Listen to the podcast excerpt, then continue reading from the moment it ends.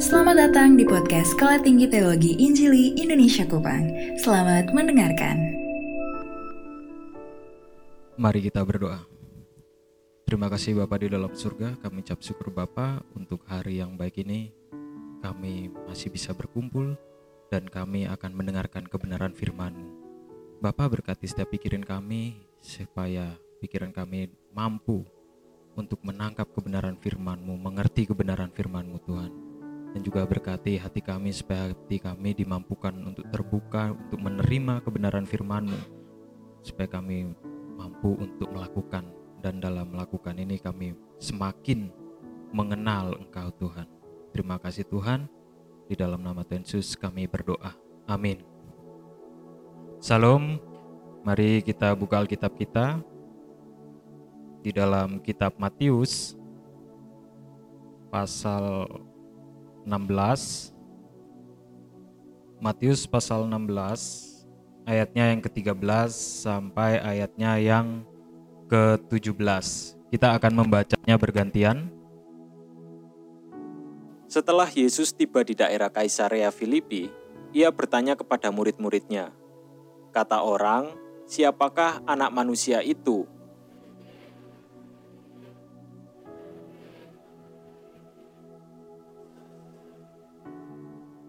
Lalu Yesus bertanya kepada mereka, "Tetapi apa katamu? Siapakah aku ini?"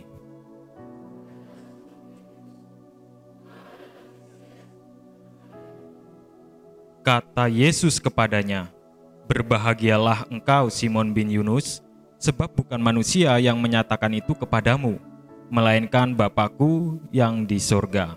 Ya, eh, saya rindu membagikan kebenaran firman Tuhan ini untuk kita renungkan bersama-sama dengan judul yang saya berikan yaitu mengenal identitas Yesus.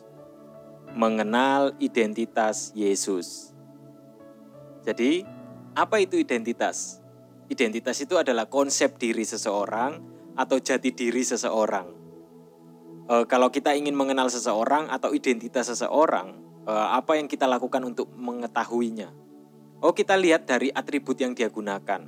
Oh, kita lihat dari warna kulitnya atau bentuk tubuhnya atau dialek yang dia gunakan, iya kan? Tetapi di abad pertengahan di negara Inggris tepatnya, untuk mengenal seseorang itu bisa diketahui berdasarkan namanya saja. Jadi nama itu diasosiasikan dengan identitas seseorang. Contohnya, namanya John Barker. Oh berarti John ini si pembuat kue. Karena ya baker itu kan pembuat kue, ya kan? Atau namanya Megan Tyler. Oh berarti Megan ini adalah tukang jahit. Atau namanya Andrew Hill. Oh berarti Andrew ini berasal dari dari pegunungan. Jadi dari nama seseorang kita tahu informasi tentang apa pekerjaannya dan dari mana dia berasal. Nah, kalau kita sudah tahu identitas seseorang, maka ya kita sudah tahu informasi-informasi tentang orang itu dan dan hal itu mudah bagi kita untuk bagaimana caranya merespon lawan bicara kita ketika ada interaksi di sana. Ya, karena respon satu individu kepada individu lainnya itu berbeda-beda. Dan respon itu dilatar belakangi dari informasi-informasi yang diketahui. Bagaimana saya bersikap dengan si A atau bagaimana saya bersikap dengan si B, itu kan berbeda. Contohnya, eh, ini baru saja terjadi sebelum kita memulai ibadah kapel hari ini. Tadi saya lihat ada mahasiswa yang masuk ruangan, ada yang duduk lalu ngobrol dengan teman sebangkunya. Ada yang kakinya di pangku sambil duduk. Nah, ketika dosen masuk, maka suara obrolan tadi itu mulai agak tenang. Yang tadi kakinya di pangku, sekarang kakinya diturunkan. Apalagi kalau dosen duduk di samping mahasiswa itu. Duduknya pasti lebih manis lagi. Iya kan? Jadi kalau kita lihat respon seseorang itu dilatar belakangi oleh informasi-informasi yang dia ketahui atau yang telah diketahui. Begitu juga dengan mengenali Tuhan yang kita percayai. Karena kehidupan kita itu sangat bergantung kepada sejauh mana kita mengenal, sejauh mana kita mengerti siapa yang kita percayai? Who our who believe? Bukankah bukankah semua tindakan-tindakan kita itu berdasarkan apa yang kita percayai? Dan kepercayaan keyakinan kita itu didasarkan kepada pengertian. Dan pengertian membawa kita kepada pengenalan. Nah, kalau informasi-informasi yang kita tahu itu sudah mempengaruhi sikap kita, apalagi kalau kita mengenal. Dan di dalam teks bacaan hari ini, kita akan melihat percakapan yang dilakukan Yesus dengan para murid-muridnya. Bagaimana murid-murid mengenal identitas Yesus? Yang pertama, mengenal Yesus dari kata orang. Kalau kita baca di ayat yang ke-13, Yesus bertanya, kata orang, siapakah anak manusia itu?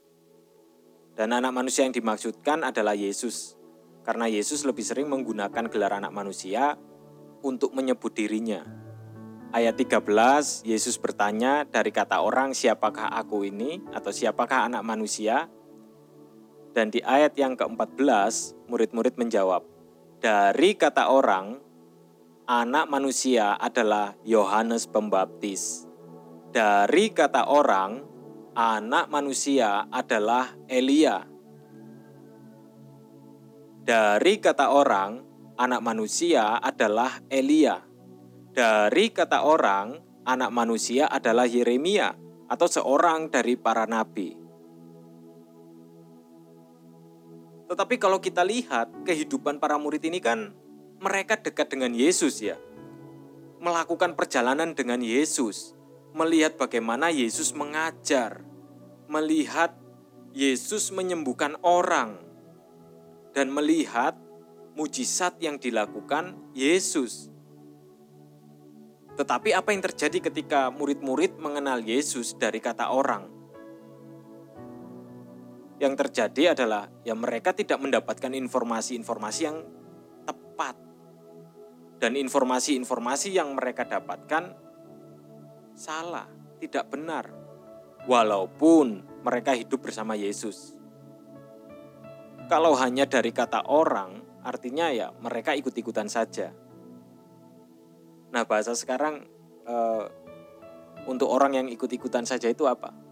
Membeo, hanya membeo saja. Nah kalau kita tahu burung beo itu disebut pintar ya. Kenapa disebut pintar? Ya karena dia mampu menirukan bahasa-bahasa manusia. Menirukan kata-kata yang diajarkan manusia kepada burung beo. Nah kalau kata-kata yang baik yang diajarkan manusia kepada burung beo, maka burung beo itu mengucapkan kata-kata yang baik. Kalau kata-kata yang kotor misalnya, yang diajarkan kepada burung beo, ya burung beo itu akan mengucapkan kata-kata yang kotor. Walaupun burung beo itu kelihatannya pintar ya. Tapi toh sepintar-pintarnya burung beo itu kan dia seekor hewan. Yang bisanya hanya menirukan saja. Sedangkan kita, kita kita manusia, bukan hewan. Kita diberi akal, kita dimampukan untuk berpikir, kita punya kuasa, kita bisa memilih dan memilah. kita bukan burung beo kan. Terkadang orang percaya itu merasa puas, merasa hebat pokoknya. Kalau dia bisa menirukan atau e, mengikuti pemahaman orang lain. Lebih-lebih miris ya kalau ada mahasiswa yang bisanya hanya membeo. Nah, kenapa orang percaya hanya membeo saja? Ya karena mereka berpikir, oh ini tanggung jawabnya hamba Tuhan itu karena dia sudah diberikan kuasa, karena karena dia sudah diberikan karunia. Jadi kami akan percaya tentang apa pun yang yang disampaikan. Tapi kalau hamba Tuhan itu berganti, apakah teologinya juga berganti?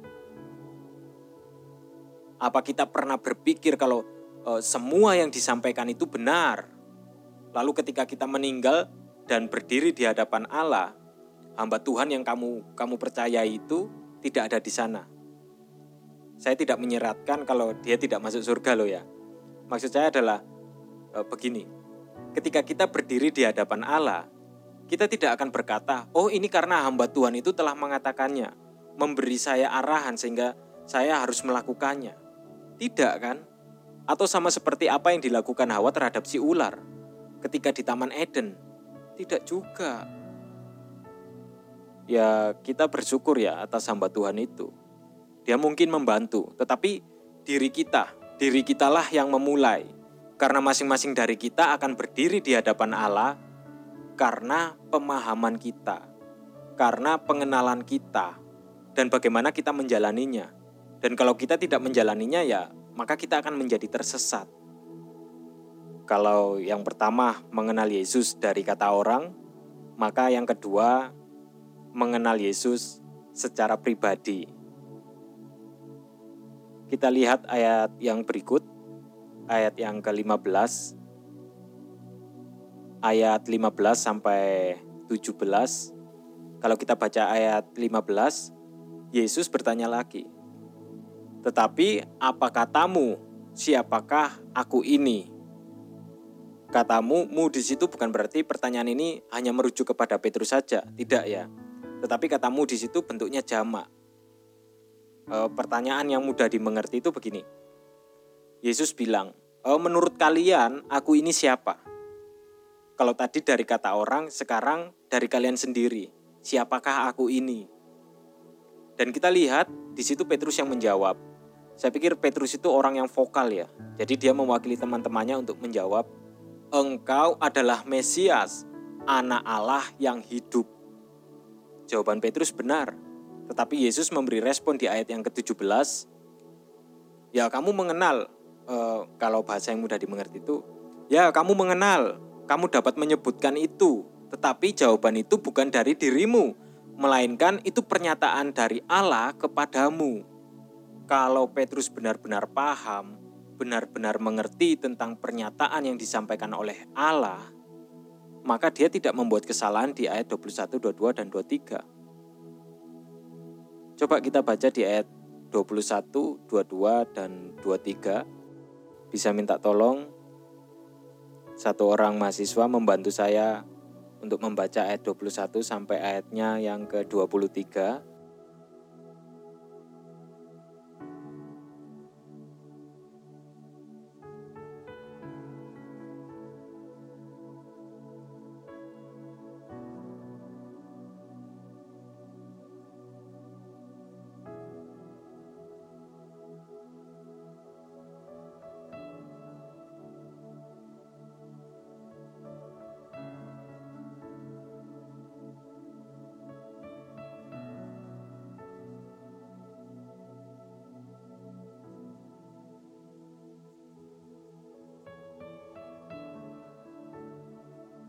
Ya, kalau Petrus benar-benar paham, benar-benar mengerti tentang pernyataan yang disampaikan oleh Allah,